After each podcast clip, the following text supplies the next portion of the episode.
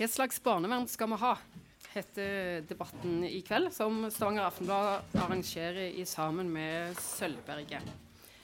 Jeg heter Solveig Grødem Sandelsson, og jeg er kultur- og debattredaktør i Aftenbladet. Eh, kollega Thomas Ergo, det nytter ikke mye å sette seg ned nå, for nå har vi begynt, så du må komme opp.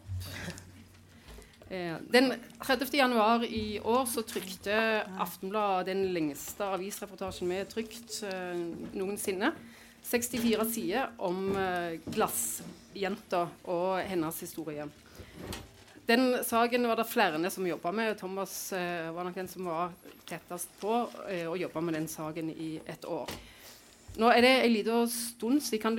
Selv om dette var 64 sider, kan du kort fortelle hva, hva det var? Historien om glassjenta, hva handler det om?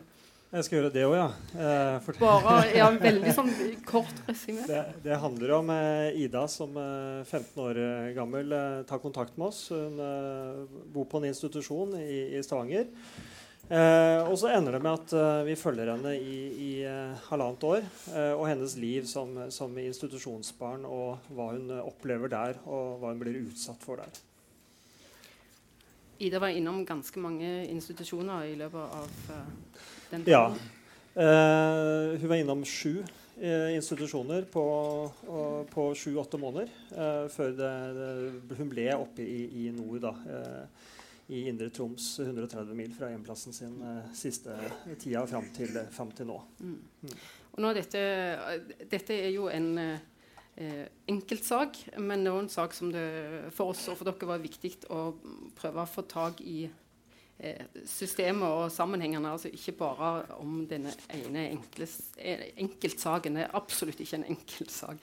Um, hva vil du nå litt etterpå? Altså, hva er det viktigste uh, rundt den saken her, syns du? Ja, for det, det, er jo, det er enkeltsak, men, men når vi går inn i den typen saker og så mye kraftig som vi har gjort her, så er det fordi vi ser en del prinsipielle sider.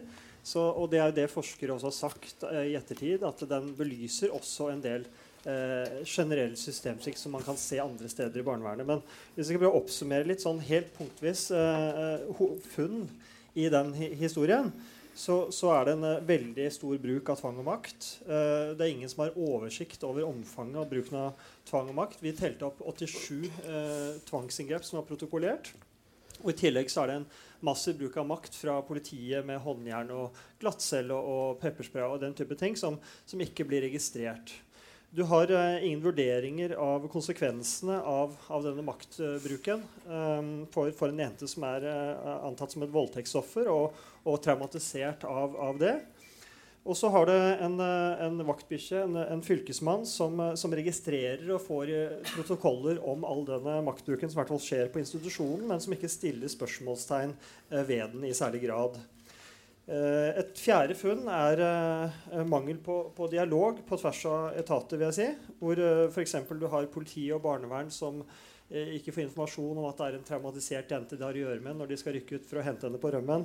Eh, du har eh, manglende samhandling når det er en jente som trenger behandling for traumer, og man får henne ikke i posisjon til det. En femte ting av denne lista på ni punkter var litt sånn mangel på fleksibilitet, kanskje. Altså, du har personer som kommer i posisjon til jenta, som eh, er litt utenfor systemet, eh, som, eh, som ønsker å bidra, men, men det passer ikke, passer ikke, systemet at de bidrar og er der en person for henne. hun er ei jente for sjette, som er traumatisert etter voldtekter. Men i løpet av to år så greier de ikke å få henne inn i et behandlingsopplegg for, for dette som kan gå, komme videre og, bli behandlet. Hun er en kasteball, som sagt. Det er det sjuende punktet som jeg eh, satt her. Og sju institusjoner på sju måneder. Eh, du har eh, et åttende punkt som, som handler om avstand. Hun, kommer, hun, blir til slutt plassert 130 mil unna hjemmet sitt. Unna nettverket sitt, familie og, og, venner. Ikke fordi det er til barnets beste, men fordi det var ingen andre institusjoner som ville ha henne. Uh, det siste punktet som, som, jeg på en måte har notert, men det er flere, men det er, det er at Hun mangler kanskje en uavhengig støttespiller som følger henne gjennom hele løpet i barnevernet, som ser henne hele veien, og som hjelper henne og på en måte kjemper hennes uh, sak. Det ender opp med at det blir advokaten. Uh, og, og, det siste punktet er Og han har jo spilt en veldig viktig rolle. det skal sies. det siste punktet er at hun opplever å ikke bli hørt. Det gjelder alt, om, alt fra plassering, eh, plassering, på institusjoner, eh, ferie, fritid, samvær. I stedet så blir det en jente som reiser eh, fra rettssak til rettssak, fra fylkesnemnd til fylkesnemnd, og, en jente som hele tiden kjemper med juridiske eh, virkemidler på, på, de voksnes litt sånn slagmark. da. Og hun blir en slags eh, en traumatisert jente som ender opp som en slags kriger i sin egen sak. Mm. Nå har jo du jobba i uh, årevis uh, med sosialjournalistikk. Er det, noen, er det noe som gjentar seg? Er det noe som uh, går igjen? det, som er, det som i hvert fall slår meg umiddelbart, det er at vi snakker ofte om ressurser. men vi gjorde en opptelling på én uke eller ti dager i Idas liv i begynnelsen av hennes tid i barnevernet. Og da, da var det i, i, de forskjellige sykehus, barnevern, politi så var det over 100 eh, mennesker, de fleste fagfolk, som, som, var rundt henne på den tida der. De fleste totalt fremmede for henne. Og, det, og Sånn er det når vi teller opp. Det er, det er, eh, det er en, hva var det, 80-90 stykker som har vært med, også forskjellige mennesker som har vært med å utføre tvangsinngrep mot henne. Uh, altså, det er en masse mennesker, og jeg vil si masse kompetente mennesker. Jeg har møtt folk i barnevernet og, som har jobbet med henne, og, og sykehus osv. Så sånn. altså, dyktige mennesker som vil noe. Men, men, det er så mye mennesker, men hvorfor får man det ikke helt til? Hvorfor får man ikke til denne samhandlingen? Hvorfor får man ikke til hennes beste? Så, så noen ganger tenker jeg, Er det mangel på ressurser, eller er det noe annet? Ok. Da skal vi si takk til Thomas eh, Ergo så, så lenge. Um, og det er viktig for, vet jeg, både for Thomas og for oss i Aftenbladet å si at eh, glassjente eh, jo altså Så vidt jeg vet, det er vel 50 000 unger i Norge som er under barnevernets omsorg. Nå ser jeg litt på barnevernssjefen her. Mm. Du, 1300 av de er i institusjon. Noen av de eh, blir det brukt eh, tvang imot. Mm. men Eh, det er ikke sånn at eh, glassjenta er et, eh, et eks eksempel som det er så mange tusen. Bare for å få litt på plass de eh, forholdstallene. Eh, så har vi et eh, flott panel på scenen her, som dere skal få treffe. og vi skal begynne med å la de altså barnevernet, Norsk barnevern har makt til å endre menneskets liv det der, ligger det et maktforhold og en mulighet i som er nesten svimlende.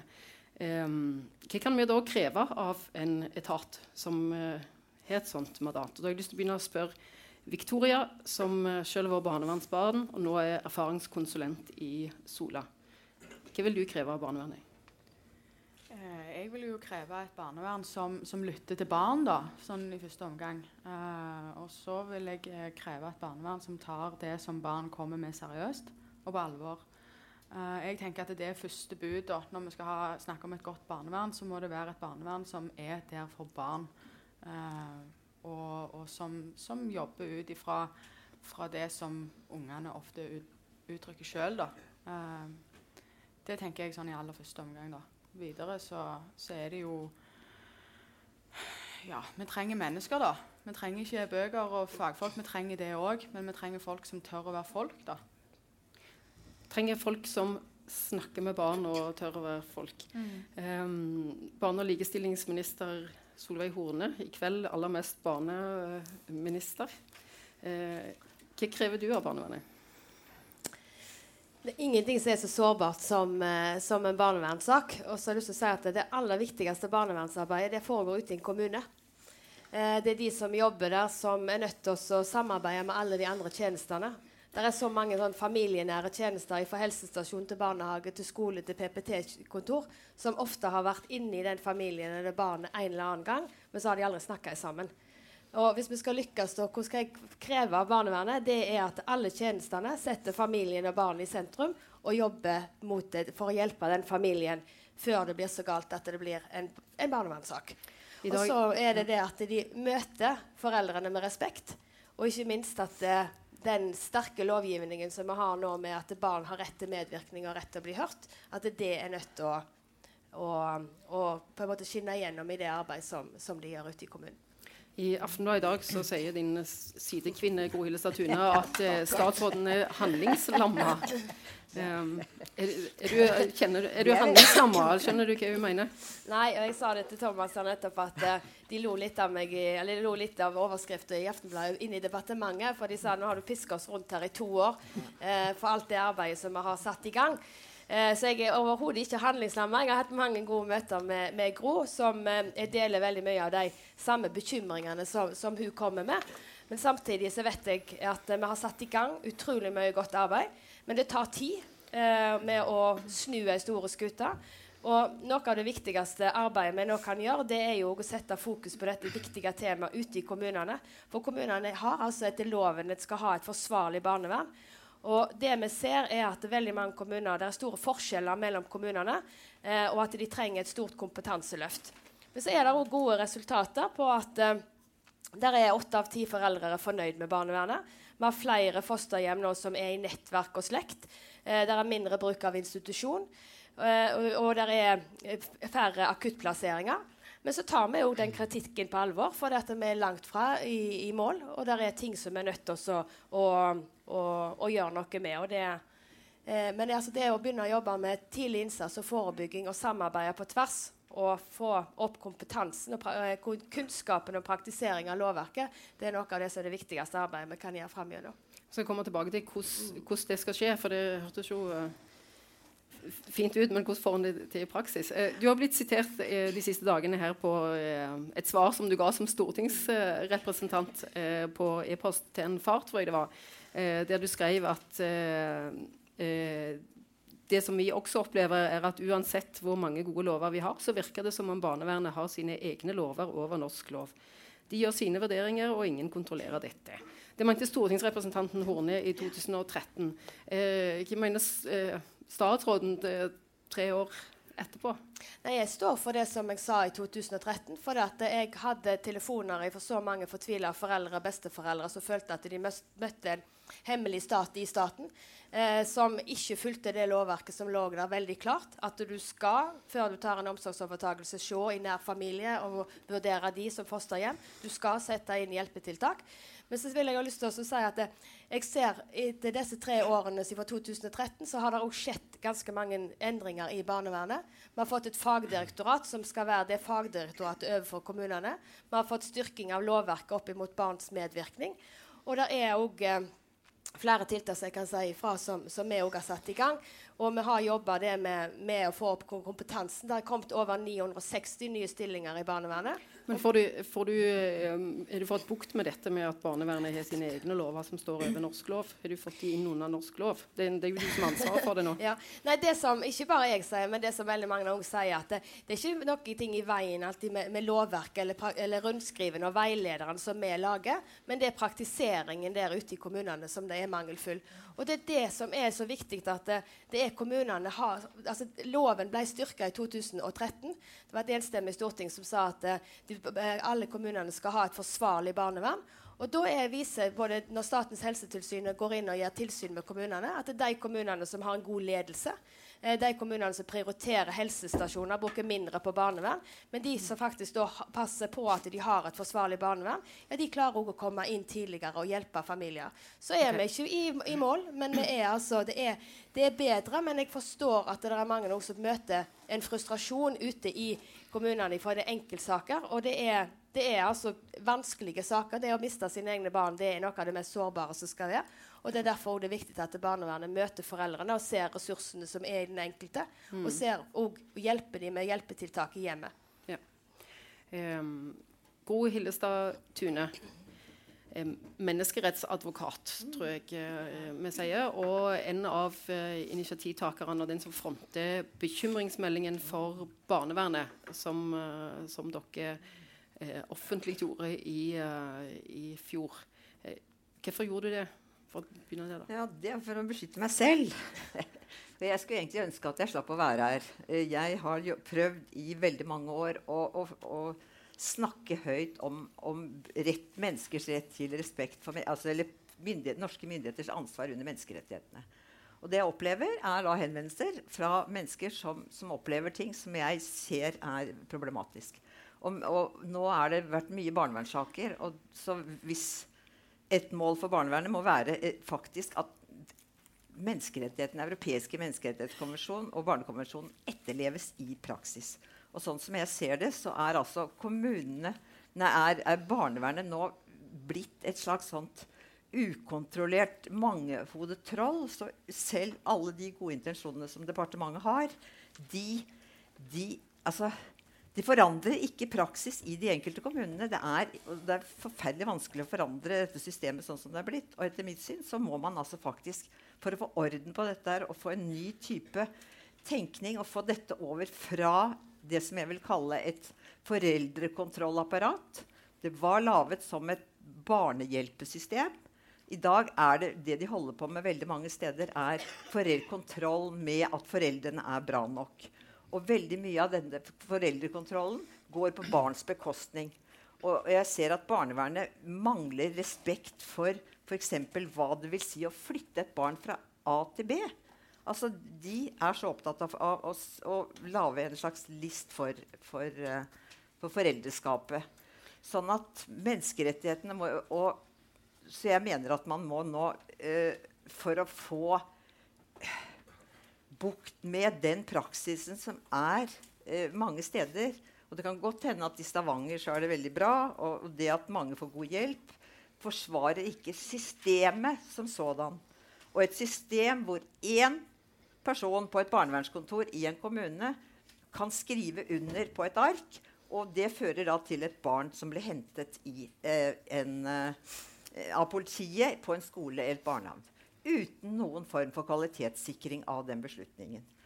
Og sånn at og rettsapparatet på, på, en eller annen måte så foregår da eh, beslutningsprosessen slik at rettsapparatet blir eh, ute av stand til å korrigere barnevernet fordi at barnevernet legger så mange premisser for de beslutningene som skal tas, og, og den, eh, de, den, de, avgjørelsene.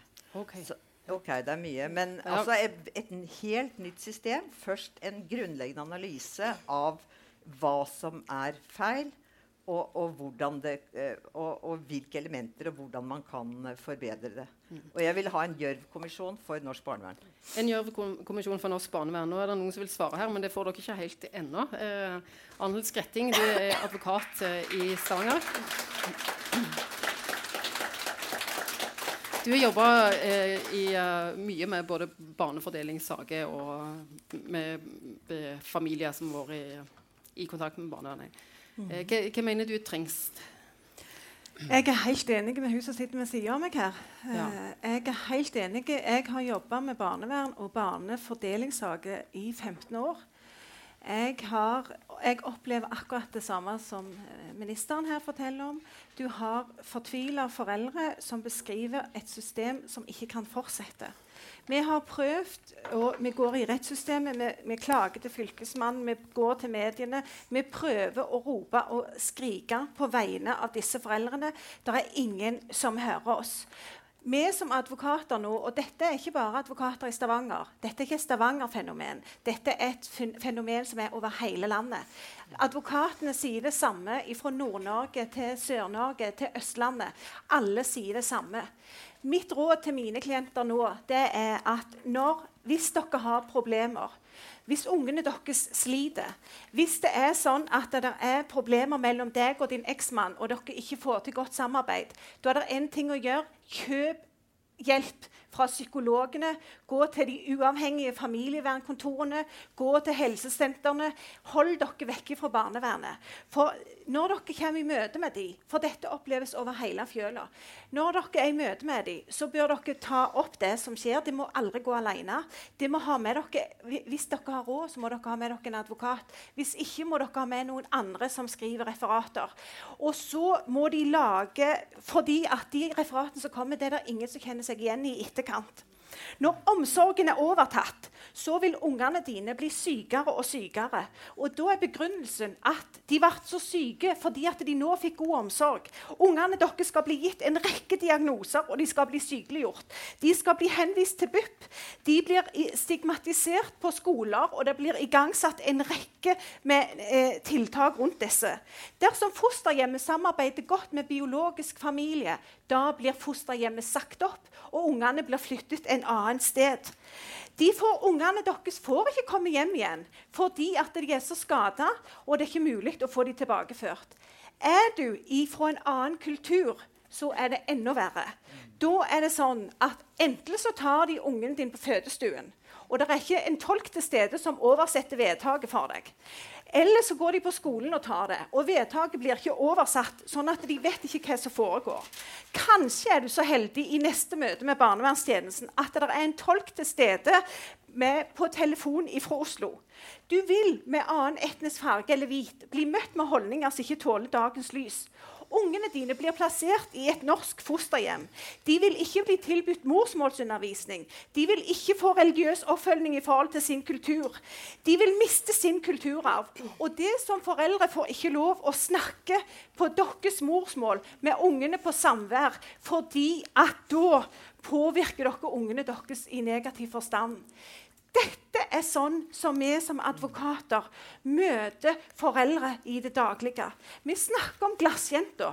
Vi som advokater vet det er mest ingenting det som kommer fram om glassjenta i forhold til hvordan virkeligheten er.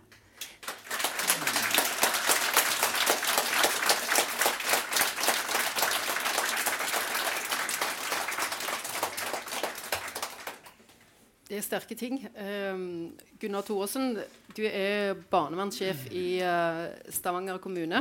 Ja. Uh, du trenger ikke uh, svare på, på, alt dette, men hva mener du en skal kreve av barnevernet her først? Du må, jo, du må gi meg litt. Ja, ja, ja, ja du skal få det. Ja, jeg skjønner det. Og jeg må få lov til å begynne med påstanden om at en beslutning om å flytte et barn er noe som en hvilken som helst tilfeldig person gjør på et kontor, og så underkastes det ingen kontroll. Jeg må få lov til å si hvordan dette fungerer i virkeligheten. Det er, det er jeg i Stavanger er det jeg som har den myndigheten til å, å fatte det vedtaket. Det vedtaket skal underkastes kontroll av en fylkesnemndsleder innen 48 timer. Foreldrene har rett til å få oppnevnt advokat og kan få fremme en ankebehandling som oftest innen en uke. Og det er sånn at Hvis vi mener at barnet skal bli værende utenfor hjemmet, så må vi fremme en sak innenfor seks uker. Det er full nemndsbehandling eh, i, i, sånne saker. I fjor så fremmet barnevernet i Stavanger 29 saker om omsorgsovertakelse. Vi har 1000 barn som har hjelpetiltak. 29 ble fremmet i fjor om omsorgsovertakelse. Vi fikk medhold i 25 av de. Etter fylkesenden så kan det ankes til tingretten, til lagmannsretten og til Høyesterett. Så, sa du 25 eller 25 Nei, 25 ja. enkeltbarn. Ja. Eh, og, og, det er klart, jeg, det er en tragedie for de foreldrene som blir fratatt sine barn.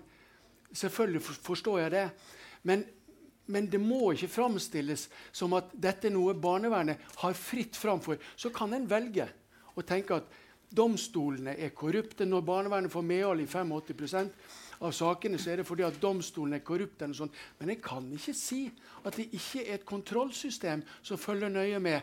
Eh, i forhold, eh, på, på, hvordan disse sakene skal forløpe. Og Det er det jeg opplever som litt sånn uforståelig. Altså, Som barnevern så mot, jeg mottar 1000 bekymringsmeldinger i året. Vi setter i gang 400 nye hjelpetiltak mellom 300 og 400 hjelpetiltak til barn som bor hjemme. Og så plasserer vi 25 nye barn utenfor hjemmet i året. Eh, og, og, det er sånn at De aller fleste som blir plassert utenfor hjemmet, de bor i fosterhjem. Veldig mange av de bor i fosterhjem i nettverk. Det er 250 barn under 18 år som er, som er plassert utenfor hjemmet i Stavanger. 20% av de er frivillige. 200 er under omsorg. Det er bare ti, bare ti av de som er i institusjon. Alle de andre er i fosterhjem. Og av de som er i institusjon, så er det bare to stykker som er der på en hjemmel som gjør det mulig å iverksette tvangstiltak på dem. Og I det perspektivet så syns jeg en del av denne diskusjonen eh, blir, altså, Hvis vi skal ha en kritisk debatt om barnevernet, og det skal vi ha, så må den ta utgangspunkt i, i fakta. Og jeg opplever at den diskusjonen som dras opp her, ikke tar utgangspunkt i fakta. Den tar utgangspunkt i eh, synsing basert på enkelt, eh, eh, enkeltepisoder. Og noen av de enkeltsakene er det grunn til kritikk på barnevernet. Men generaliseringen av, av eh, en hel sånn eh, eh, At barnevernet er helt håpløst på bakgrunn av disse enkeltsakene, er, er det ikke grunnlag for. Og, jeg, og, det er veldig alvorlig fordi at folk blir redd for å søke hjelp. Det er veldig alvorlig fordi at barn ikke får nødvendig hjelp. Og det er ungene dette går ut. Vi kan godt ta en diskusjon om rettssikkerheten til foreldre. og kan godt, Det kan vi godt gjøre, men da vil jeg også ta en diskusjon om rettssikkerheten til barna. Og det er faktisk sånn at, at eh, Nå sitter dere her, men jeg har møtt over tre år nå så har jeg møtt en veldig masse barn og unge i barnevernet som, for Er det én ting vi kan kritisere barnevernet for, det er at vi har vært for lite flinke til å lytte til barna. Jeg er enig i kritikken om at vi har fått, vært for lite flinke til å ha en god dialog med foreldrene også. og Derfor har vi jobbet med erfaringskonsulenter blant foreldre, altså barnevernsforeldre. Og det tror jeg er veldig bra. De lærer oss hvordan vi skal bli bedre i, også i møte med dem. Men det viktigste vi kan gjøre, er å, å, å lytte til unger. Og unger sier noe annet enn det som blir sagt her. Og Derfor så må vi være klar over at dette er to forskjellige diskusjoner. Eh, og, og, jeg ønsker å flagge at, at, barnevernet må være der for å hjelpe barn som trenger eh, hjelp, når ikke foreldrene ser det. Og så er det mange foreldre som får hjelp. 600 barn får hjelp på, på dette tidspunktet hjemme sammen med foreldrene sine i Stavanger. Det er virkeligheten. Og, og, og de de eh, eh, flagger ikke eh, at de får hjelp fra barnevernet, men de alle undersøkelsene som fins, går på at de opplever at de får god hjelp av barnevernet. Og Derfor så syns jeg at, nå, Jeg tror du har fått, ja, poenget nå. Jeg, fått poenget. jeg tror det. Eh, Victoria eh, Ja, ja, dere skal eh, ja, om, et, om, et, øyeblikk. Men, men, jeg har lyst til å gå tilbake til Victoria. Du, her er det vidt eh, forskjellige syn. altså Advokatene vil advare folk mot å ta kontakt med barnevernet. Hva vil, hva vil du si til eh, unger som sliter? Jeg vil jo bare sliter. si det at hvis det hadde vært litt sånn som så, så Arnhild sier, så, så, hadde jo mest sannsynlig jeg bodd, vokst opp hos mor mi og daua av rus. Sant? Så jeg er jo veldig glad for at vi har et barnevern som, som er på en måte til stede, og som, som på en måte har kjempa min sak oppi det hele. Da. Og jeg sier ikke at barnevernet er perfekt. Herregud, vi er mennesker. Alle gjør feil. Uh, det tenker jeg er viktig å huske. Og så syns jeg heller egentlig ingenting om den her uh, trashinga av barnevernet i media. Sant? Fordi at det, er, ja, det er saker som, som, ikke er bra. Og en, min sak var heller ikke bra. Det ble tatt masse dårlige avgjørelser i forhold til min sak og sånn som det var når jeg vokste opp. Uh, men til syvende og sist så var det jo barnevernet som var der når jeg var klar til å ta imot hjelp. Uh, og Det er viktig å si noe om det òg. Og så er det viktig å si at når jeg har reist rundt i landet og truffet folk som jobber i barnevernet Jeg har godt samarbeid med barnevernstjenesten i dag. Uh, og jeg møter folk som ønsker å på en måte endre måten de jobber på. Og jeg tenker at det er der fokuset er. Hvorfor skal vi gjøre det så grævla vanskelig? Sant? Kan vi ikke på en måte bare legge fokuset der som det er, er, viktig å ha det? Og ja, økt kompetanse, men jeg tenker ikke at det nødvendigvis sier at da må dere gå ti år mer på skole. Jeg tenker å lære noe om hvordan du snakker med barn, hvordan gir du av deg sjøl uten å bli for private, hvordan tar du hensyn til hva barn faktisk sier. Og, og, på en måte ja, være et menneske som jobber med mennesker. da. Det tenker jeg er den viktigste kompetansehevingen som vi kan gjøre i barnevernet. Solveig Horne har veldig lenge altså Hun bare med en replikk på ditt innlegg allerede. Hillestad Tune. Så bare hold på din replikk, du, så skal du få den nå etterpå. Ja. ja. Nei, jeg syns det er veldig bra at den, det, det, perspektivet som, som, her blir reist òg, er viktig. Altså, jeg òg har møtt så mange barn som sier 'Hvorfor kom dere ikke før?' Og så har du møtt foreldre som, som, som føler seg overkjørt. Og det er det som gjør disse sakene her så utrolig vanskelig. Men det som Gro Hillestad tar opp her og det, det er at Barnevernet har mye makt, men det er det kontrollsystemet som vi har, som Gunnar var inne på. Altså Innen 48 timer. Du har fylkesnemnd, du har fri rettshjelp, du har domstolene våre. Hvis det er noe galt med domstolene våre, hvis det er det systemet der, så må dere si helt klart at det er det vi må endre. da. Og så er det det som er, er viktig her. Er, altså, jeg har vært besøkt nå, altså, jeg har hatt møte med over 80 kommuner.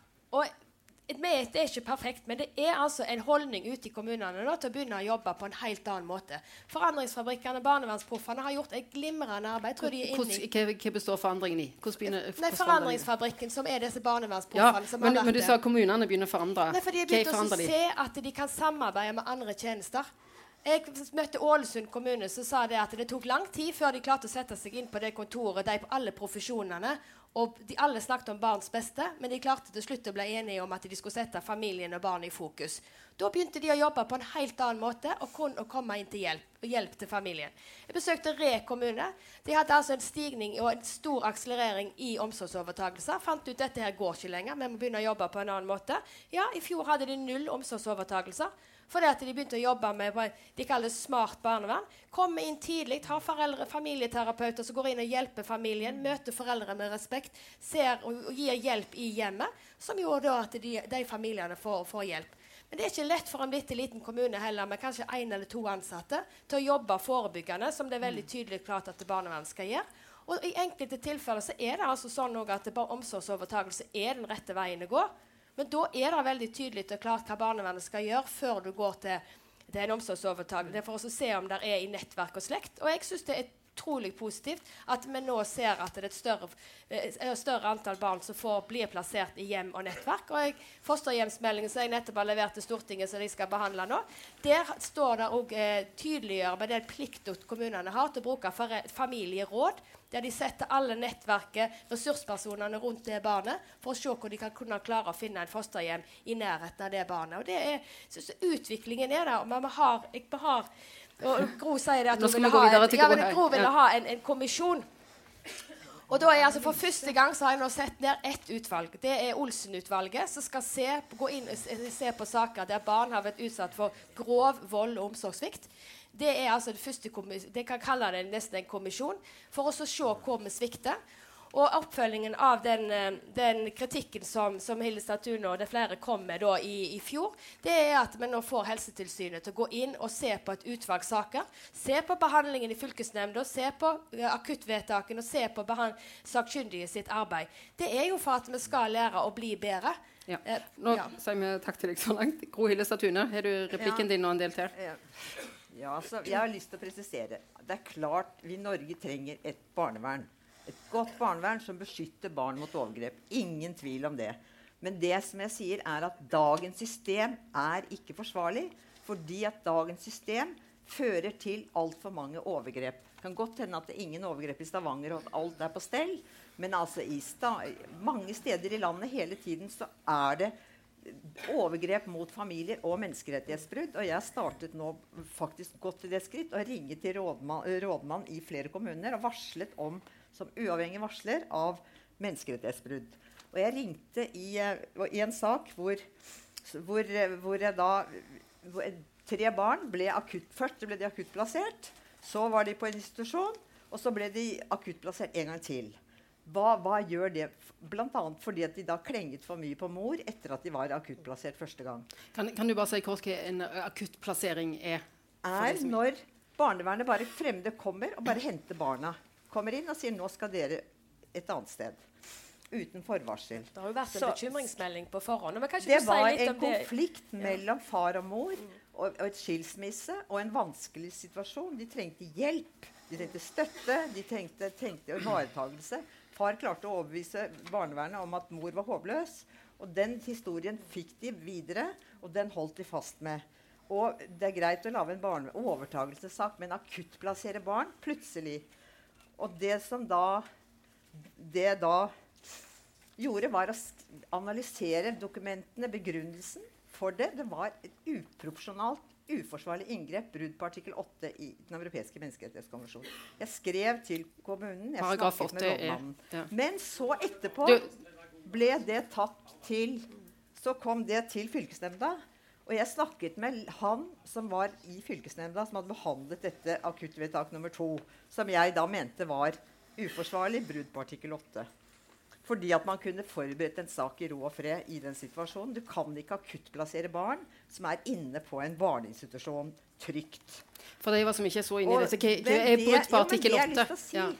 Det er, som, som, jeg lærte av dette, var at fylkesnemndspersonen som da skulle da overprøve dette akuttvedtak nummer to, han, og han sa at han hadde altfor dårlig informasjon. Han visste altfor lite. Han var de facto ute av stand til egentlig å overprøve dette ut fra det han, han hadde av fakta. Sånn at de, den overprøving ble summarisk. Mitt poeng er at man må få en annen prosedyre før akuttvedtak. Hvis du begår drap og skal i fengsel, så må altså fengslingsbeslutningen godkjennes av en dommer før den iverksettes. Skal barna dine hentes av politiet, så er det nok at en leder for en barnevernstjeneste. Og det er klart det er forskjell på store og små kommuner. Erfaring, prosedyrer. Små kommuner, en barneverns barnevernstjeneste i en bitte liten kommune, kan bare be politiet hente akutt en, en unge fra barnehagen. Innvandrerfamilier opplever dette hele tiden. De, de går for å hente barna sine og får beskjed av barnehagen om at barnet ditt er hentet akutt det systemet er det jeg anklager. Ja. Du, vil, du, vil, ha en, en sikring i rettsvesenet? Jeg vil ha en sikring før de flytter. Ja. Fordi at Hvis de først har flyttet barn, så har de allerede gjort og, og veldig ofte traumatisert barn. Reidar Gjerman fortalte at han nå traumebehandler barn som er for uforsvarlig akuttplassert, og sendt tilbake. Sånn at den, Og det kan statsråden gjøre noe med relativt fort. Anhild Skretting, eh, hvordan står det til med barns rettssikkerhet?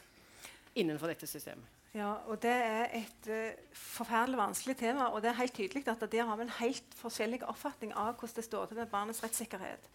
Vi som jobber med dette, vi var så glade når vi fikk en ny grunnlov i 100, når Grunnloven fikk 104, der det står at barn har krav på respekt for menneskeverdet sitt. Og at uh, de skal ha, bli rett til å bli hørt i alle spørsmål som gjelder de sjøl. Og da tenkte vi nå, nå skal det bli orden. Nå skal unger bli viktige. Og unger er kjempeviktige i barnefordelingssaker.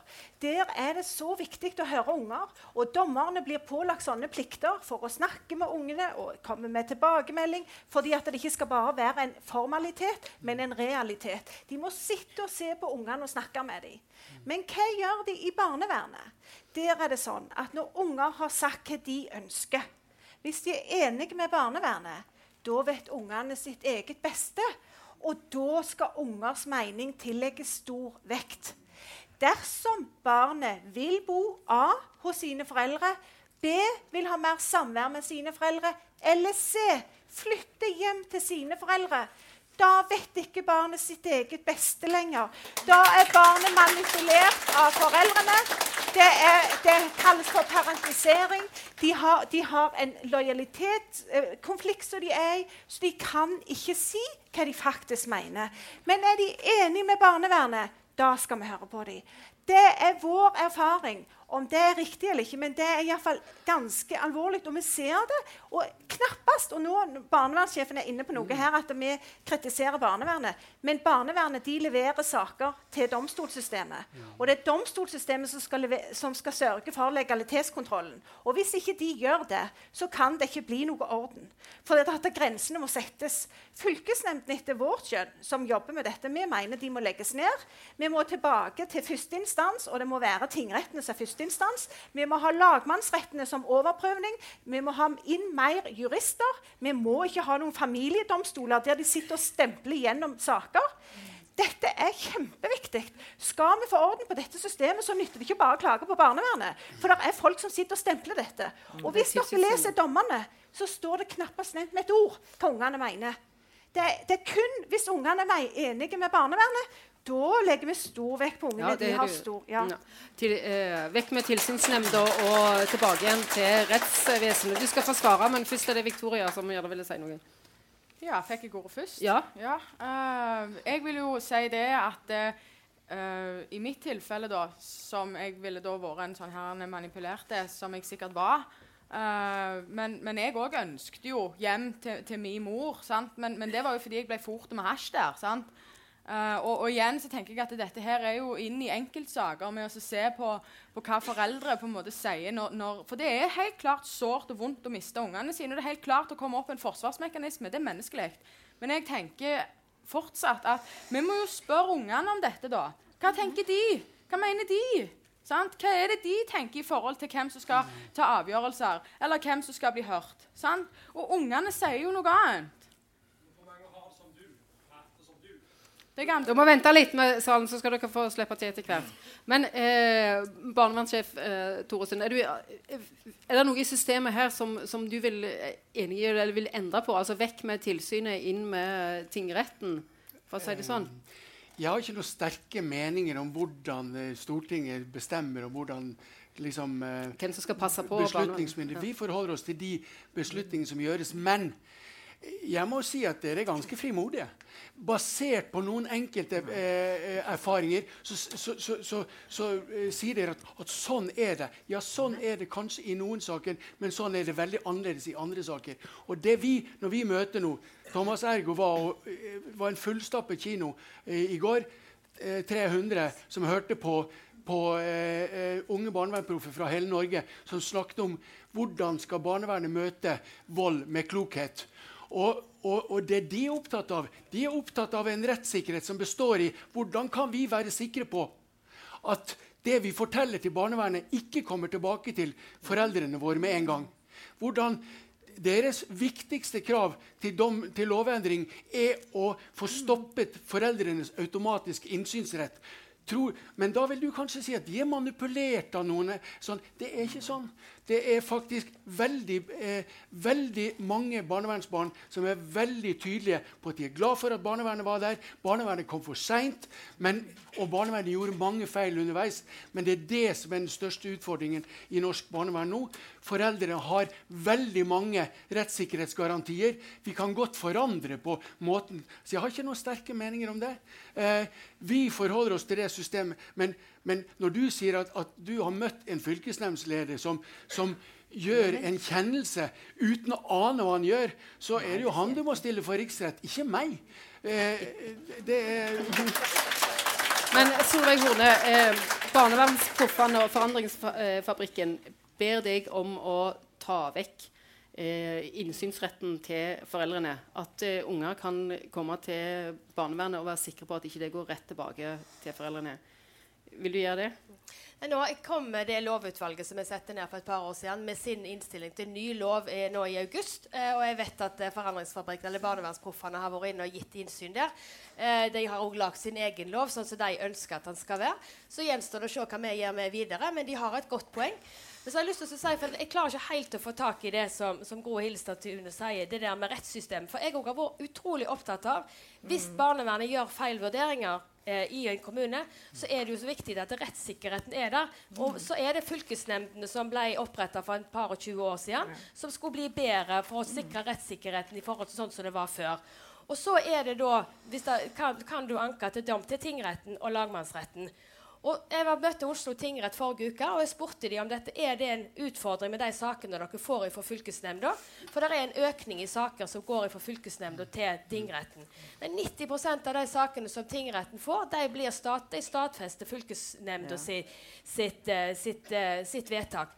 Men fylkesnemnda fikk vi jo evaluert, og vi har forbedringer på fylkesnemndene. Det er et kjempeviktig arbeid. Men du vil altså ha et nivå ifra barneverns, eller fra kommunen og som skal sjekke det vedtaket før du kommer til tingretten. da?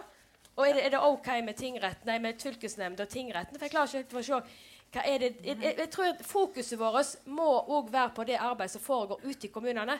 På hvordan kan ja. vi faktisk hindre at, det, at, vi skal få en omsorgsovertakelse i det hele tatt. Hvordan kan vi klare å få kommunene til å jobbe med alle tjenestene opp mot familien. Komme inn tidlig til å forebygge og hjelpe i hjemmet. Det er jo det som er 82% av alle tiltakene som barnevernet gir, er altså hjelpetiltak i hjemmet. Og så ser vi nok det at de hjelpetiltakene som har vært gitt, har vært mer kompenserende og ikke som har ført til endring. Så vi har en vei å gå der òg. Men det er, altså, det er jo det som må målet vårt være. Det var å unngå omsorgsovertakelser i den grad det er mulig. Ja. Det er vi enige om. Ja. Skretting. Ja, jeg, er, jeg, er, helt enig med deg Horne, i det. Og det, ser, eh, og det er en positiv utvikling. Det ser vi jo, vi som jobber med dette. Det er jo at det finnes en altså, Av å ha, gått ifra den trenden at du mest ikke var, det var mulig å få plassert i slekt, så er det et helt annet fokus nå. Eh, at de skal vurdere eh, plasseringer i familiene. For det har jo vært noe noe av den største kritikken som vi som advokater har kommet med dette med at de ikke vil vurdert besteforeldre, tanter og onkler, og ungene mister hele slekta. De, altså de, det er ikke bare at de mister sine egne foreldre, men de mister også slekta. Og så er det det geniale som, en, som, mitt skjønn, som er igangsatt, det er jo dette med familieråd. Der man ja. på en måte mobiliserer alle gode krefter rundt ungene. For det er jo det som er det viktige, å mobilisere disse. For når vi har den prinsessen her borte, hun snakker jo om hvordan hun hadde det hjemme. Det er ingen som skal ha det sånn. Og det er, må de ikke tro at noen av oss som jobber med dette, tenker at unger skal vokse opp under og få, få narkotiske stoffer servert eh, hos foreldrene. Det er ikke på det nivået vi snakker om. Men vi snakker om herrene der det er snakk om at det er så disse foreldrene der aldri skulle omsorgen vår tatt ifra dem. Prinsessa heter for øvrig Victoria Skretten. Ja. ja. um, uh, Tore hvis vi går på um, altså en, en, har jo diskutert skal, Burde en ha delt uh, barnevernet i, uh, i, to på et vis, sånn at det Sånn at en del eh, tok seg av eh, veiledningen, mm. støtten, hjelpen, og en annen del eh, eh vurderte omsorgsovertakelse. Mm. Eh, hadde, det vært, vært fornuftig? Jeg tror det er svært uklokt. Og det har vært drøftet ganske grundig før. Det var drøftet det, denne problemstillingen var tatt opp i Befring-utvalget, som la sin innstilling i 2000. Stortinget diskuterte dette veldig grundig, for og mot å, flytte og dele disse funksjonene. Hvorfor er det uklokt?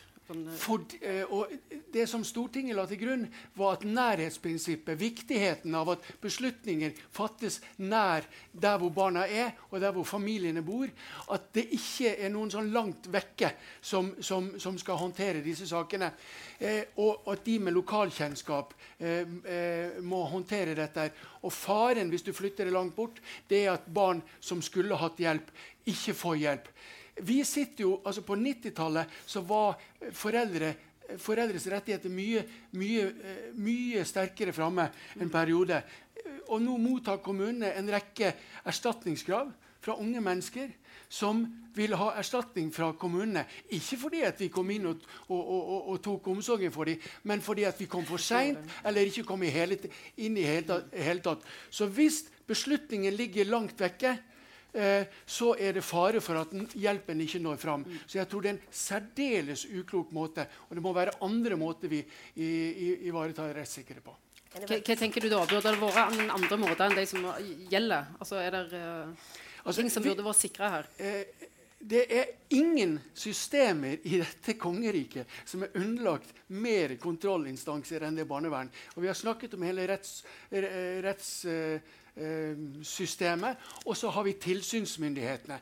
Så hvis det er sånn at, at dette ikke funker, um, så må en iallfall se på uh, altså, da, da, er det flere som skal bære ansvaret uh, for, at, for, at, det ikke funker.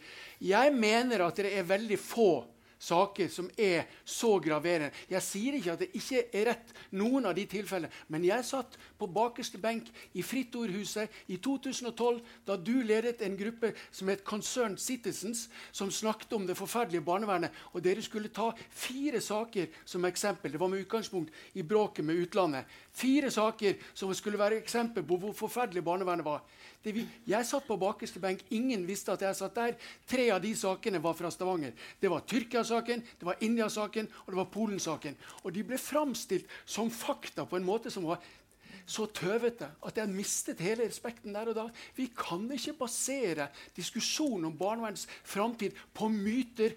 Sånn så I disse sakene så var det fullstendig feilaktig. Og det er veldig rart. I India-saken, hvor her i Norge alle snakket om at barnevernet gikk inn og tok omsorgen fordi at foreldrene matet med hendene og sov i samme seng. Det var noe forbaskede tøv. Og de eneste som skjønte at de tok feil, det var indiske medier. Og de ga norsk barnevern en unnskyldning. Det gjorde ikke norske medier. Det gjorde ikke. Eh, Gro Hille Statune, du må få svare på det. Hille Statune, vil du svare? Eh, jeg har lyst til å si eh, Altså, én dette er, altså, det er klart, Barnevernssaker er vanskelige. Og det, og det, er viktig at barn får hjelp tidlig. Og det er viktig at barnevernet fokuserer på de barna som virkelig trenger hjelp. Mm. Og, og, det som jeg ser med, med, alle henvendelsene, alle de sakene og alle de dokumentene jeg har gått gjennom, mm. er at man bruker for mye energi og tid på feil saker. Og det går utover Så du har problem mm. A, de som ikke får hjelp. Problem B, de som får hjelp på, på, feil måte. Feil barn, feil metode. Og, og, dette blir blandet sammen. og jeg tror at hvis, Men det også henger sammen. Hvis man droppet å forfølge familier som kunne klare seg med en husmorvikar, mm. ja, ja. Og, og, som, hvor mor fikk en fødselsdepresjon, og det, og det ender opp med en kjempesak med svær hvis hun kunne fått hjelp med den fødselsdepresjonen istedenfor å ende opp med en kjempedepresjon og angst for barnevernet, så, så, ville man jo kunne konsentrert seg om de barna som ikke er så synlige, som sitter i en krok og ikke sier noe. Sånn at, sånn at det, så vi trenger et barnevern som er mer fokusert på de alvorlige tingene. Og, og det er det ene. Og det andre er da denne dobbeltrollen som har. Det er en veldig vanskelig å være, bygge tillit og samtidig være både en hjelper, og så i neste omgang være den som da vurderer, kontrollerer og bestemmer og bruker tvang. Altså Uansett, det er vanskelig for meg, for alle. Og jeg tror har, Det er mulig jeg er feilinformert, og jeg skal bare ta forbehold. Men jeg mener at, og har fått informasjon om at det forslaget som Barneombudet fremmet i 2000 til Befring-utvalget, om å etablere et eget myndighetsbarnevern utenfor kommunene. Kommunene skal hjelpe, rendyrke sin hjelperolle, en annen skal. Og Det betyr ikke at beslutningene skal tas langt fra, men det betyr at hvis du jeg er myndighetsbarnevern, så sender du den til meg, og jeg hører på deg, og vi samarbeider. Og det er, Da får du delt det. Du kan få mer tillit som hjelper, og jeg kan ta tvangen. Altså det er, og det mener jeg burde diskuteres. Og når det gjelder rettssikkerhet ja, du, du, må få vente litt. Ja, okay. ja, så Thoresen får en replikk på det. det, ja. det er jo riktig det at det var Barneombudet som fremmet det, som satt i, i, i, i forhold til Befring-utvalget. Men dette ble veldig grundig diskutert okay. i stortingsmeldingen og i Stortinget. Og en valgte en annen løsning. Mm. Det kan godt si at det er noen vanskeligheter med den dobbeltrollen, mm. men antallet sånne eh, av de mest alvorlige sakene, altså omsorgsovertakelse, er tross alt såpass lavt at, at du, du, vinner, altså du må veie opp hva du vinner og hva du taper med ulike løsninger. Og jeg tror ikke, altså Vi sitter nå i en situasjon når vi skal søke tiltak, så må vi søke til et eller annet sånn inntaksteam i, i, i Bufetat som aldri ser disse barna. Og noe av resultatet av at den beslutningen sitter langt unna, er at glassjenta havna i Indre Troms. Mm. Så det, vi, må vi må se at, at avstand skaper ikke ansvarliggjøring. Og, og, og, så får vi heller ydmykt be om unnskyldning de gangene vi, vi forgår oss. Og hvis, Jeg tar gjerne imot Jeg diskuterer med, med, med, innvandrerorganisasjoner. Vi har veldig godt samarbeid med Muslimsk Fellesråd og med alle. Og da prøver vi å, å, slå hull på en del av disse her fordommene som er ute og går, eh, og som hindrer folk i å få hjelp. Eh, du nikket når Hillestad Tune nevner at en må prøve å slutte å bruke tid på feil familie ja. eller feil ja. unger. Eh, du har sagt i et intervju med, med Aftenbladet at barnevernet har nok vært litt for handlingskåte, tror jeg du brukte. Ja, det, hva, hva, mener du, eller hva var det for noe? Ja, det, ja, det, er to forskjellige ting, men jeg kan svare på begge deler. Eh, det er sånn at barnevernet, altså Når vi nå jobber med 1000 barn på, eh, med, med, hjelpetiltak, så, så mener jeg at noen av de barna eh, har såpass Altså, De familiene har ikke større hjelpebehov enn at andre jeg ønsker at andre hjelpeinstanser skal hjelpe så langt det er mulig, og så skal barnevernet ta hånd om de som er mest alvorlige. Dette temaet kalles barnevernets mandat og ligger som en del av oppdraget som Solveig har gitt til dette lovutvalget. Det andre, som går på handlingskåthet, har med disse akuttplasseringene, mm. eller hasteflyttingene, som vi nå kaller det, fordi at eh, vi lytter til råd fra barn og unge. Ja. Eh, og og, og, vi ønsker at de skal gå ned. Vi ønsker at de, skal, de, de, kommer ikke til å bli borte, men det har gått ned fordi vi ønsker å jobbe på andre måter. Og så ønsker vi å jobbe tidlig. Vi samarbeider med barnehager og helsestasjoner for å få tak i unger tidlig, sånn at vi kan hjelpe dem før problemene er blitt for store. Både hjelpe dem hjemme, men noen ganger flytter de. Det som er sånn at Antall barne- og omsorgsovertakelser har ikke gått opp, iallfall ikke i Stavanger. Det har det virkelig ikke gjort antall barn som får hjelp med hjelpetiltakene har gått opp voldsomt. Og vi har gjort noen vikt. Jeg er enig i kritikken i forhold til tvangsbruken i barnevernet som glassjenta. Jeg er enig i kritikken til, eh, som du har i forhold til sakkyndige. Det, vi bør ikke, barnevernet bør ikke bruke og vi har slutta med det, det bør være domstolen eventuelt som oppnevner sakkyndige. Og, og, og jeg, altså det er en god del av de tingene der som, som, som, som vi kan en, Det der som du holder fram med plassering i nettverk, alt det der er vi enige mm. Mm. Eh, men det med sakkyndige tror jeg ikke vi har vært inne på i, i den sammenhengen her. Nei, men hun har vært inne på det. Ja, hun har vært inne på det mange ganger. Men det er ikke sikkert alle har klart for seg hva, hva den kritikken uh, gikk på. Eh, det kan f.eks. Hillestad Tune kort for, forklare. Altså, hva var kritikken deres mot bruken av sakkyndige? Det, er, det, er, jo at bindingen Altså at barnevernet oppnevner en sakkyndig som lever av å betjene Sånn at de blir I praksis så fungerer de som, som en slags støttespillere for barnevernet. Mm. Og, og, og, det er jo en fundamentalt galt at psykologer skal være dom, De sitter og dømmer ja. ut fra hva, hvor, hvor, hva som er best for barn. Altså Isteden burde jo flere psykologer med offentlige midler gå inn og hjelpe de familiene hvor det er vanskelig. De burde være hjelperne. altså De er jo ikke gode dommere. Eller, altså, det er ikke metoden deres. Så de må det jeg sier i hvert fall Salvesen, altså du, må, du må sluse dem inn som hjelpere i kommunene mer enn bare som avgjøre om mor og far er bra mm. nok eller ikke. Men jeg har lyst til å si én ting til når det gjelder det med barnevernets problem. I dagens, Jeg tror at dere som sitter i det systemet, må ta inn over dere at, at, det er en realitet at folk er livende redde barnevernet mm. mange steder. Mm. Og det er faktisk ikke mm. vår skyld, det er ikke min skyld, det er ikke kritikernes skyld. Det er barnevernets egne feil som gjør at folk blir, er blitt redde. Det er faktisk sant. Det er selvforskyldt. Det er uforsvarlig bruk av makt i enkeltsaker. Og det betyr at folk rundt i landet, hvis det oppstår en familieproblem, så, så, er det eneste de da ikke må gjøre, som du sa, det, å, det, verste de kan gjøre, er å gå til barnevernet. For der kommer det da noen som kan begynne å bestemme et eller annet, og som da ikke samarbeider med andre. Ja. Og, og, det er jo Og man må gå løs på systemet for å få ja. gjort noe med den tilliten som ja. barnevernet selv har skapt. Ja, og, og, det er nettopp det. At, og det er, det er en, en, undersøkelse som var foretatt, denne her DNBV, eh, der det vært undersøkt 715 foreldre. Og der det var 25% de beskrev gode følelser i møte med barnevernet. 20% beskrev ambivalente følelser, og 55 beskrev vonde og vanskelige følelser. Og det går på frykt, frykt, frykt for barnevernet. Og så må du tenke, hvis du skal kunne klare å lage gode allianser I all behandling, enten det er psykologi eller lege, så må du ha en sånn terapeutisk allianse mellom de som skal hjelpes, og de som hjelper. Når vi har et system sånn at de som skal gjøre verden god for ungene, de kan plutselig snu seg rundt og ta fra deg ungene, så kan vi aldri få til trygge, gode allianser. Og Derfor så er jeg så hjertens enig med Barneombudet tilbake i tid, som sier at her må vi ha to, to uavhengige system. system. Ja. Vi kan ikke ha dette på samla på ei hånd. fordi at du får ikke til godt barnevern med de betingelsene. Ja. Barneminister. Ja. Mm. ja. ja. ja. For at, jeg er enig i den tanken med å dele de to. Eh, og når jeg er ute og besøker kommuner, så er det veldig mange kommuner som på en måte har gjort dette.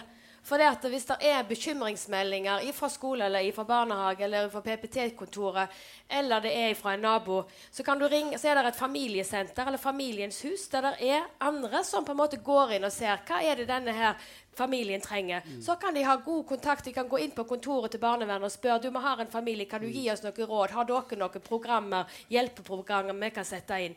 Og så klarer de kanskje å hjelpe den familien uten at barnevernet mm. er inne i det hele tatt. Mm. Og da får du delt det. Så de delt i én hjelpe, hjelpeavdeling og én barnevernsavdeling som kommer inn seinere. Så det er det mange som trenger ikke være noe sånn et ledd langt vekke. Det går an å gjøre det på, på den så enkel måte. For vi må jo altså tenke hvordan er det vi møter familier som har har problemer. Alle kan slite og ha problemer i enkelte perioder. Du kan ha fødselsdepresjoner, eller det kan være alvorlige andre ting. Og Da må vi jo hjelpe familien og barna der og da, uten at det, og, og se hva, hva er det vi kan, kan gjøre rundt dem. Og det er det jeg tenker at det, den plikten som vi nå har tydeliggjort for kommunene til å bruke familieråd hvis det, de skal eh, eh, gjøre en omsorgsovertakelse eller se hva hjelpetiltak du skal trenge, den blir tydeliggjort nå for kommunene. Og det er det òg kommunepolitikerne som må begynne å etterspørre hvordan kommunene eh, arbeider, om de bruker familieråd, hvordan jobber de forebyggende, hvordan jobber de på tvers med de andre tjenestene. Og hvorfor har vi, gå inn og spør, hvor mange omsorgsovertakelser har vi i vår kommune. Hvorfor har vi det? Kunne vi klart å jobbe på en annen måte? Og Det er det altså mange kommuner som har begynt å gjøre, men det, er en litt lang vei å gå. og Da må vi bruke gode eksempler for de kommunene som faktisk får det til. Ja. Vi skal, så, eh, skal, vi få inn eh, eh jo fulle av folk som kjenner godt eh, til dette. Bl.a. Ingunn eh, Sutsrød, som er forsker på UiS. Eh, hva tenker du om kompetansen i, uh, i barnevernet til å nettopp gjennom, eh, oppnå denne tilliten? Du er nødt til å reise deg opp. Ja. Du kan, nei, helt sikkert ikke. Sånn, Kan jeg stå sånn? Ja. Eller skal jeg, ja. Snu deg mot salen. Snu meg mot salen, ja. Eh, kompetanse. Jeg hører hva du sier, Victoria, at eh, du ikke vil ha mer fagkompetanse, men du vil ha ja, hjertepersoner med hjerter. Jeg sa, ikke det. Nei, jeg sa at den bra. viktigste kompetansehevingen vi kan gjøre, det er å styrke dem som at de er mennesker i jobben sin. Ja. og de må òg være fagpersoner, er jeg veldig opptatt av. Og jeg tenker at det er på tide at det må du gjøre noe med, Solveig Horne. At du må legge inn noen krav til kompetanse i barnevernstjenesten. Det ligger krav til kompetanse i barnehager. Hvem skal være leder i barnehagen? Det er krav til kompetanse hos lærerne. Hvem er det som er gode nok til å være lærere? Og det må være et krav til hvem det er som skal jobbe i barnevernet. Og det må dere gjøre noe med fort. For den jobben som barnevernet skal gjøre, er veldig komplisert. Og det har dere jo bevist alle sammen. Eh, og det holder heller ikke med en treårig bachelorutdanning for å gjøre alle disse vanskelige vurderingene her. Det må være en lengre utdanning. En, det bør være en femårig utdanning. Og en må også tenke at eh, kompetanse er noe som utvikler seg selvfølgelig hele veien, og at den må være i dialog med de som bruker, bruker barnevernet. Veldig, veldig viktig. Og så tenker jeg det med frykt. At det er barnevernets egen skyld at, at frykten kommer for barnevernet. Ja, ikke bare det. Det er ikke bare det. Eh, jeg har vært med og forska i det nye barnevernet. Eh, og det er heller ikke sånn at du ikke kan bli trygg på den eh, aktøren som også har kontrollen. Mange foreldre rapporterer at de er det. De rapporterer bare positive erfaringer. 34% av disse 719 eh, foreldrene ja. Men veldig stor andel bare positive erfaringer. Noen har både positive og negative, og noen har bare negative. Og de som har mest negativt, det er ikke eh, så overraskende også de som har mistet omsorgen. Eh, sånn at her er det jo konfliktene ligger, selvfølgelig. Ja. ja. Kan jeg få si jeg vil si at det er vi godt i gang med. Ja. Okay. Ja. Ja, nei, altså, jeg har bare lyst til å si igjen altså, pro Problemet er ikke at det ikke er mange bra mennesker i barnevernet, at mange er fornøyd. problemet er at du har et system som produserer, som gjør det mulig for barnevernstjenesten på Ytre Senja, Lofoten, Halden, hvor som helst, å handle i strid med menneskerettighetene til barn og foreldre. Og et, et, det jeg sier, er at systemet er ikke forsvarlig. For når det ikke, og de menneskene som utsettes for disse overgrepene, er i praksis forsvarsløse i sånn som det fungerer. Og det, det, er veldig vanskelig å forstå. Hvordan, jeg har prøvd å forstå hvorfor. Men det er noe med beslutningssystemet, det er noe med premissene. Det er noe med, med synsing som omgjøres til sannheter. Og det er, ikke, det er ikke vond vilje, men det er sånn det systemet fungerer i et stort antall saker, og som opprører da veldig mange. Og da sier jeg at da kan vi ikke ha det systemet. Og Det betyr ikke at vi kan beholde alle de gode menneskene, alle de gode metodene. Alt, alt er bra, og alle de som er fornøyde. Men vi kan ikke ha så mange menneskerettighetsbrudd i, i et, innenfor et hjelpeapparat som skal verne barn. Og det handler om barns menneskerettigheter også. Og vi, vi, er, vi har i Norge et problem med at vi er for lite bekymret for å gi makt til offentlig ansatte fordi at vi håper og tror og ønsker at de skal være snille og gode, for det er det står i reglene. Det er det de får beskjed om fra, og det er det samfunnet ønsker. Men det er ikke, verden er ikke sånn. De menneskene som da rammes av dette, er forsvarsløse. Og da må vi diskutere rettssikkerheten til dem. Og, og det betyr ikke at alt det gode, bra arbeidet kan fortsette. Og så I et dårlig system kan man ha masse bra. Og det er det jeg sier. Og, og et problem som barnevernet har, det er mangel på respekt for søskenrelasjoner. Jeg har sittet og lest en sak. Jeg har trillinger selv. Og vi ble rådet til at de trillingene skulle gå i samme klasse i første klasse. For de skulle ikke både skilles og, uh, og gå i hver sin klasse. Vi holdt på med sånne psykologer om dette. Så sitter jeg og leser en trillingsak. En stakkars trillingmor som hadde ett barn, og så fikk hun trillinger. Og, og, maktet ikke dette. Mannen måtte tjene penger. Hun trengte hjelp, hun trengte husmorvikar. Hva skjedde? Trillingene fem-seksårsalderen spredd utover hver sine fosterhjem. Og det er, jeg synes at det er noe som du også kunne ta tak i. Og så syns jeg at det bør tenkes nytt når det gjelder hjelpetiltak. Ja. Jeg har oppdaget at det sterkeste hjelpetiltaket barnevernet har, det som kalles det sterkeste også i domstolene, det er å være på en mor-barn-institusjon. Og de har ofte utviklet De var hjelpested. Det er blitt veldig mye et sted hvor foreldrene blir overvåket hele døgnet. Ikke sant? Og da Det er blitt kontroll. Altså, det, altså de, hvordan det skjedde, jeg vet ikke. Jeg bare oppsummerer. Ja. Men det er blitt sånn. Mm. Og det, det, jo, det, er jo det verste som kan, noe menneske kan utsettes for. Å sitte med og fikle med et lite nyfødt barn. Og så du, du blir overvåket, og én sier at du skal ta ungen opp, og én sier at du skal legge ned. Og gærent blir det rapportert uansett. Så de institusjonene må Men, også ses i kortene, og hvilke kriterier de da se på hvilke kriterier de faktisk bruker for sine konklusjoner til og rapporter til barnevernet. Men, men hvis en går litt på, eh, på, systemet her For oss som står litt utenfor og da leser Thoresen noen av, eh, av enkeltsakene som kommer, så er det nok noe av det som gir sterkest inntrykk, og som er en, en gjenganger i noen av, eller i sakene, er at eh, enten så var det ingen som greip inn, eller det var ingen som gjorde noe annet. I, i Glassjenta-saken så fortsetter en med det samme om igjen og om igjen og om igjen. Når det kom noen inn fra sidelinja som gjerne ville gå på ski på natta, så var det det må, du ikke, det må du ikke finne på. Når noen tilbyr seg støttekontakt, så er det akkurat som at det ligger et, et uh, system som avviser det som ikke allerede går på skinner.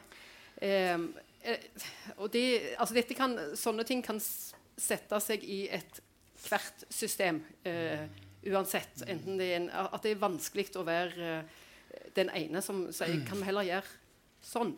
Er det, er det noen måter å ta hys på det? Det er veldig vanskelig å diskutere systemkritikk på basis av både én og ti saker. Det er faktisk ja. veldig vanskelig. For jeg må vite litt om altså, Jeg er helt sikker på at du har de opplevelsene som du har i de sakene.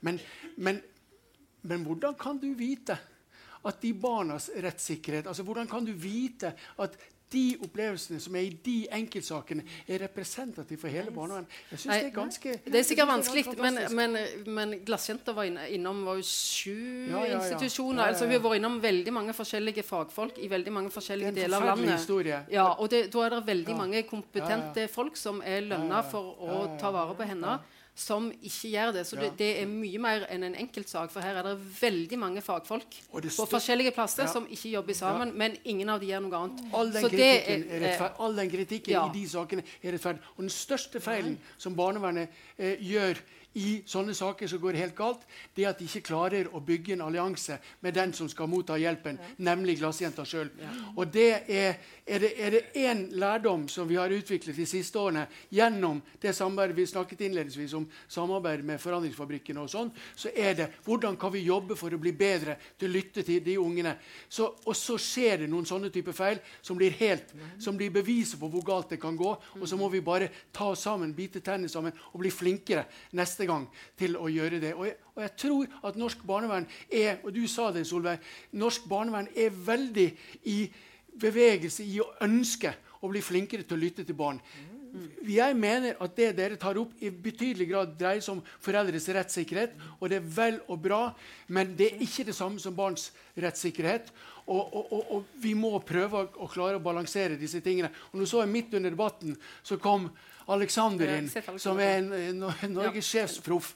Og, og, det er klart at, at det, er, altså, det er to forskjellige budskap, og vi må, vi må på en måte bestemme oss for hva skal være det viktigste budskapet mm. til et barnevern som skal være for barn. Jeg vil bare si, for jeg syns ja.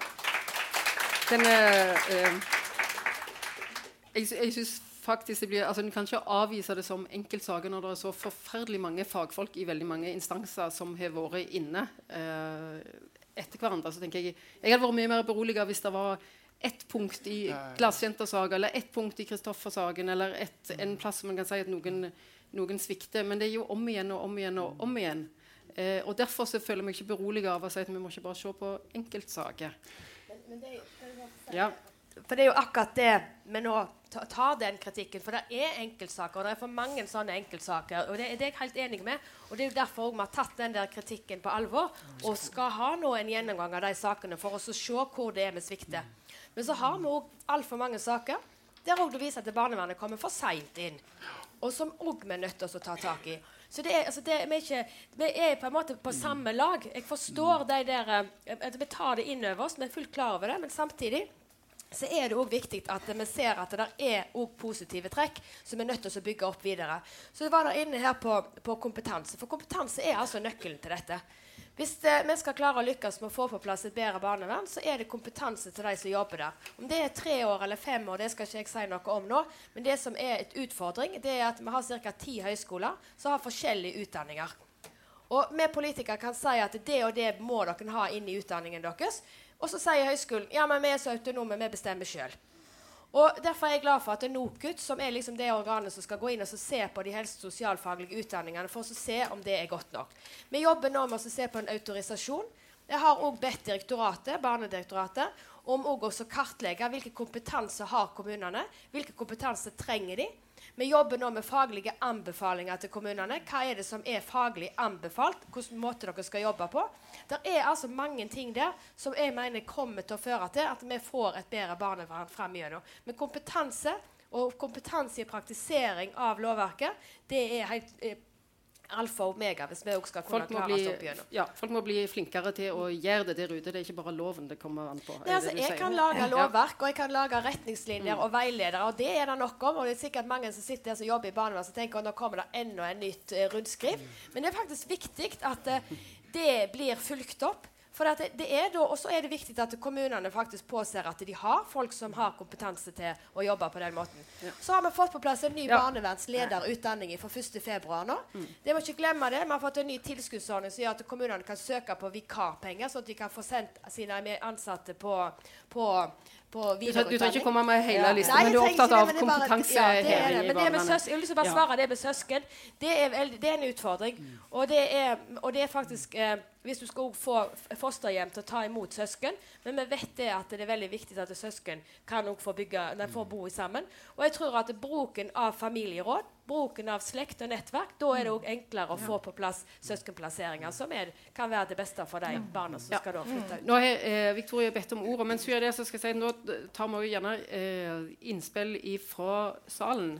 Eh, og da må jeg si at det er ingen i panelet som kan kommentere på enkeltsaker, men still, eh, still spørsmål, kom med innspill til, eh, til debatten. Eh, Victoria? Ja, jeg har bedt om ordet lenge. Det har du. Ja. Eh, for, for, jeg tenker, jeg hører veldig mye foreldre og system, og så hører jeg veldig lite barn. Eh, og, så, og, så, tenker jeg at hvis vi skal på en måte uh, gjøre et system bedre, så er vi nødt til å snakke med ungene. Hva er det de ønsker i et bedre system? Først og fremst, tenker jeg.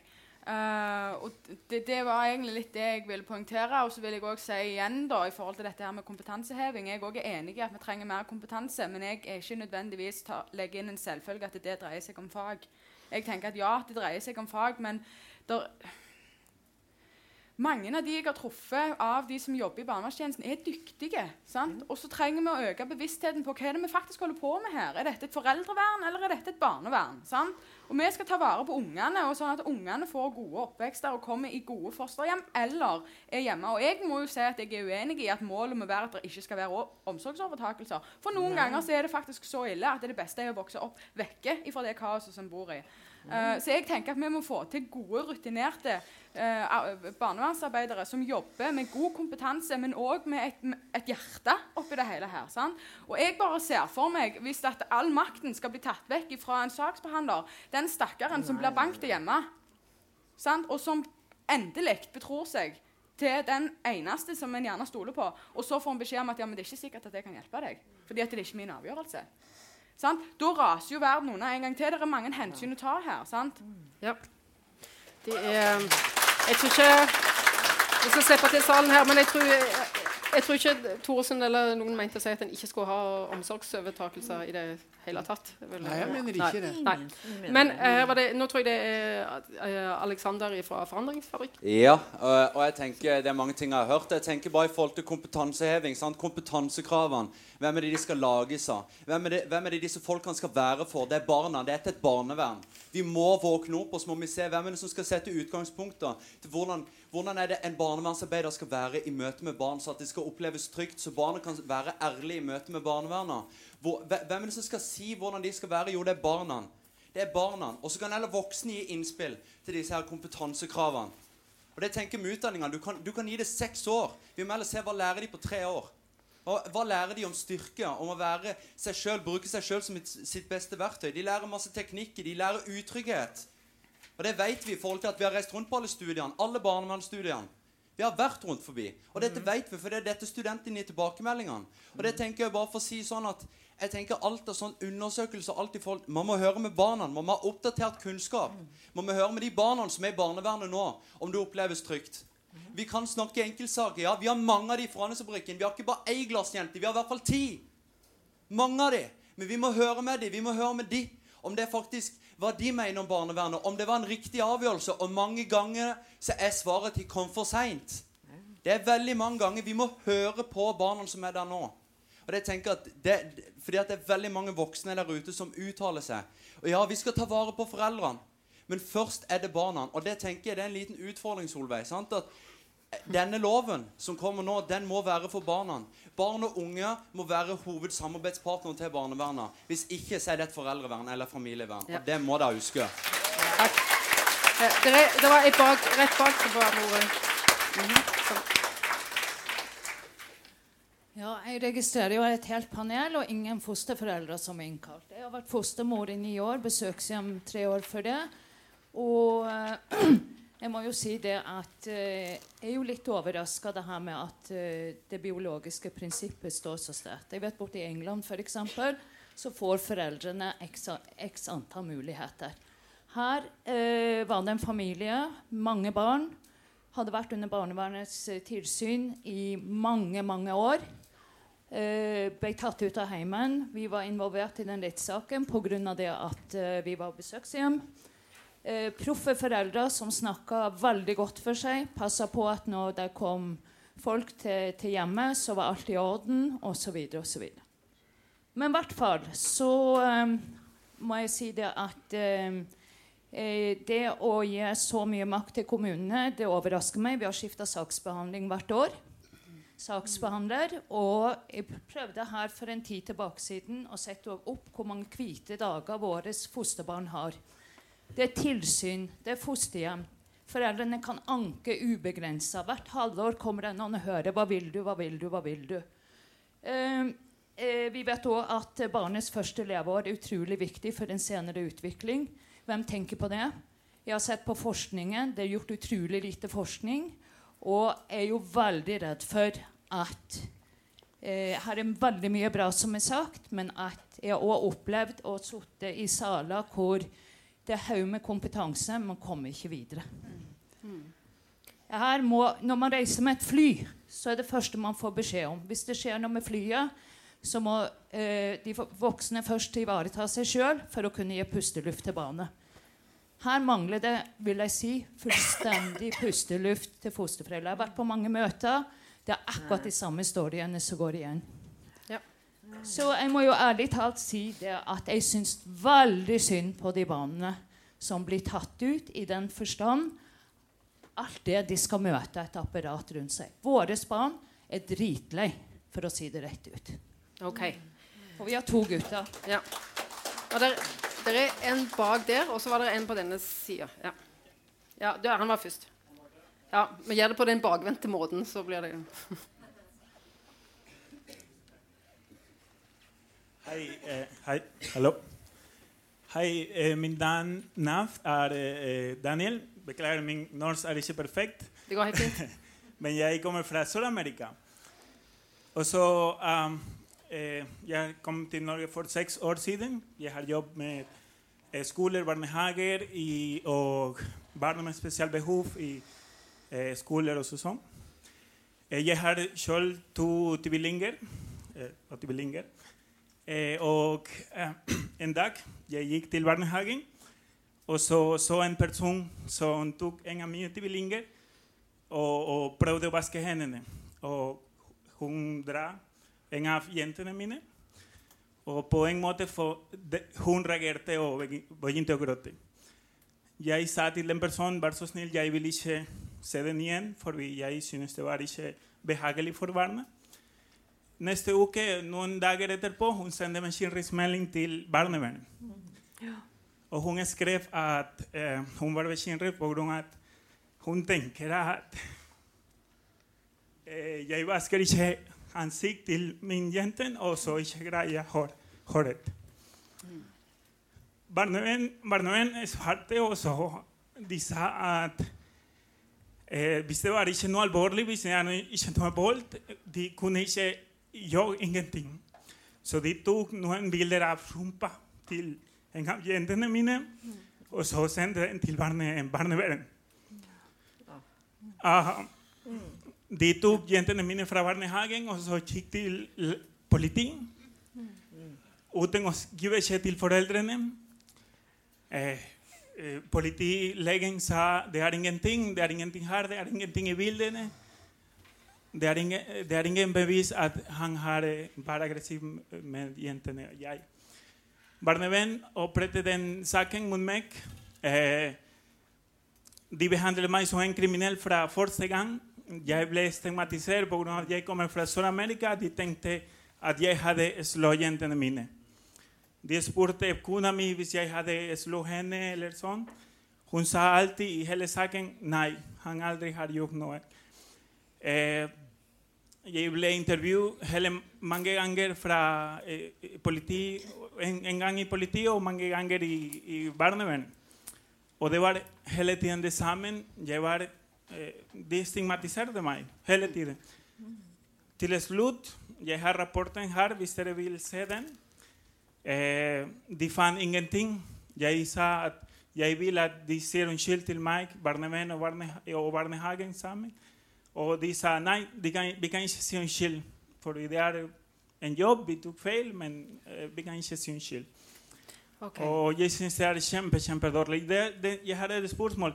Hvordan eh, eh, jeg, jeg, har prøvd å sitte en klage i, Jeg har ringt til, til, til kommune og fylkesmannen for å sette en klage, men de hjelper meg ikke. Og jeg syns noen ganger eh, Eh, folk bruker, eller En institusjon kan bruke barnemenn som instrument for å gjøre noe dårlig mot i, den, i den tilfellet mot meg. Så jeg syns veldig dårlig. Tusen takk. Ja. Eh, en, saken begynte i, i, i, april. Mm. De sendte bekymringsmelding, men eh, de ble sluttet nå i, i, februar. Ja. Takk. Nå, nå hadde vi eh, en til jeg skal si. Nå, nå la vi den vonde enkeltsaken får stå. Og så er det sikkert noen som kan svare etterpå hvem som er den rette til å, å, å henvende seg til. Eh, men vi kan ikke ta mange enkelthistorier her. Eh, til, nå var det eh, fram på denne, på denne sida her, eh, som meldte deg litt før. Ja. Og så, så, må vi sette strek, for nå skal, må vi avrunde eh, debatten etterpå. Ja. Eh, jeg heter Hilde. Jeg er sosialarbeider er òg eh, fagforeningsrepresentant for FO, som or, uh, organiserer barnevernspedagoger. organiserer sosionomer og organiserer vernepleiere. Og det er sånn at jeg tror at det aller, aller viktigste det er at en har tid til å lytte, sånn at en faktisk forstår hva som er problemet til den familien som en møter. Det er det aller, aller viktigste. Og hvis vi skal ha tid til å møte familiene og bruke den kunnskapen som vi har lært de tre årene vi har gått på skole, og veldig mange av oss har gått på høyskole mye mer enn tre år Hvis vi skal ha tid til det, så må vi ha nok folk til å gjøre jobben. Og de må holde ut. De må ikke slutte etter ett til to år fordi de er så himla slitne, og fordi at de opplever at de får ikke lov og har ikke mulighet til å gjøre den jobben som de har fått utdanning for å gjøre. Når jeg i 1993 første gang var med på å sende en bekymring til politikerne, til mine lokalpolitikere i det barnevernet jeg jobba i, i 93, så prøvde spurte med uh, Vestlandets Ja, vi bare sier full fart. Vestlandet sitt, uh, sitt uh, kompetansesenter for barnevern hvor mange saker de tenkte at en saksbehandler kunne ha og komme seg noenlunde gjennom det. Og gjøre en god jobb. Og da sa de 15 saker. Den gangen hadde jeg 40. Nå har de mellom 25 og 30. Noen få plasser ligger på 15. Det er sånn. Når krybba er tomme, folkens, så bites hestene, og vi gjør en jævla dårlig jobb. Okay. Skal dere få eh, Vi er nødt til å avslutte nå, så jeg kan ikke Nei. Nei. Nei. Nei. Ikke mer. Nei. Eh, men, vi er nødt til å få en, en, en siste eh, avslutning for dere i panelet. Og nå vil jeg ikke høre hva som er viktig i akkurat deres rolle eller hele tiltakslista til henne, eller hvor bra det står til hos deg, Thoresen. Hva er det viktigste eh, å få til i når en skal gi barn en best mulig kår? Hva er det dere må få til? To setninger. Det aller viktigste er, og som jeg har sagt flere ganger, at vi må treffe ungene og, og, og, og, snakke med dem og lytte til det de sier. Og skal vi gjøre det, så må vi gjøre barnevernet kjent eh, rundt omkring på skoler og i lokalsamfunnet. Veldig mange barn vet ikke at det finnes et barnevern. Ja. Veldig mange barn vet ikke at de ikke behøver ha det sånn som de, som de har det. Det syns jeg er en av de viktige eh, tingene. Og så er det disse, en, del av disse rettssidene. Du får bare én. Ja, ja. ja. Skreiting. Skretting. Ja, altså, det viktige, jeg er helt enig at det viktige er her å holde fokus på ungene. Og hva ungene ønsker, og lage gode oppvekstvilkår for ungene. Vi er bare så helt uenige i hvordan det gjøres. Eh, og så er det noe med kompetanseheving, som en har snakket om. Men så sier forskningen noe om dette at de ønsker, ungene ønsker kjærlighet og empati.